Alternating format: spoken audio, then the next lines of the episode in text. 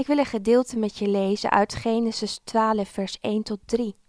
Daar staat: De Heere nu zei tegen Abram: Gaat u uit uw land, uit uw familiekring en uit het huis van uw vader, naar het land dat ik u zal wijzen.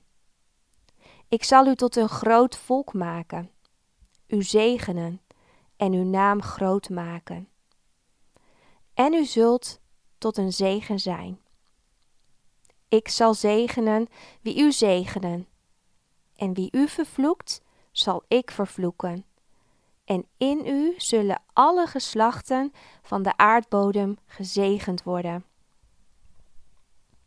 Broers, zussen, het zal je maar gebeuren dat God op een dag tegen je zegt dat je met hem op reis moet gaan naar een land dat je niet kent. Intens ingrijpend. Het gebeurde bij Abraham. Elke kring die Abraham zekerheid en veiligheid geeft, moet hij achterlaten. Allereerst zijn land, vervolgens zijn stamverband, tot slot zelfs zijn eigen familie. De aartsvader moet elke comfortzone die hij heeft laten voor wat het is. En waarom? Omdat God zijn zekerheid en veiligheid wil worden. De God die zegent zal Abrams comfortzone zijn. En zo krijgt zijn leven een onverwachte wending en een nieuwe horizon. Gods plan met deze aartsvader is uniek. Zoals Abraham, en later wordt hij Abraham genoemd, hè, is er maar één. De Heere sluit met hem een uniek verbond en geeft hem unieke beloften. Hij zal een nieuw land bewonen, tot een groot volk uitgroeien, een grote naam krijgen en gezegend worden en tot een zegen zijn voor alle geslachten op aarde.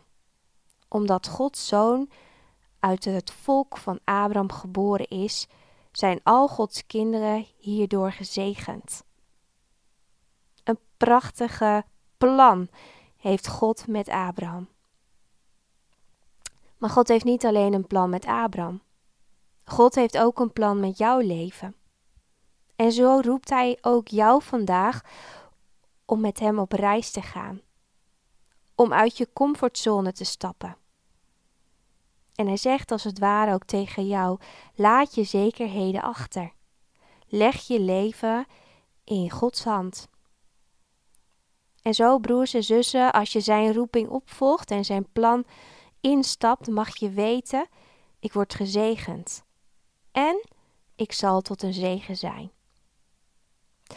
Nee, wij zijn geen Abraham. Maar God gaat zeker ook zijn weg met jou. Vertrouw daarop en leg jouw leven in zijn handen.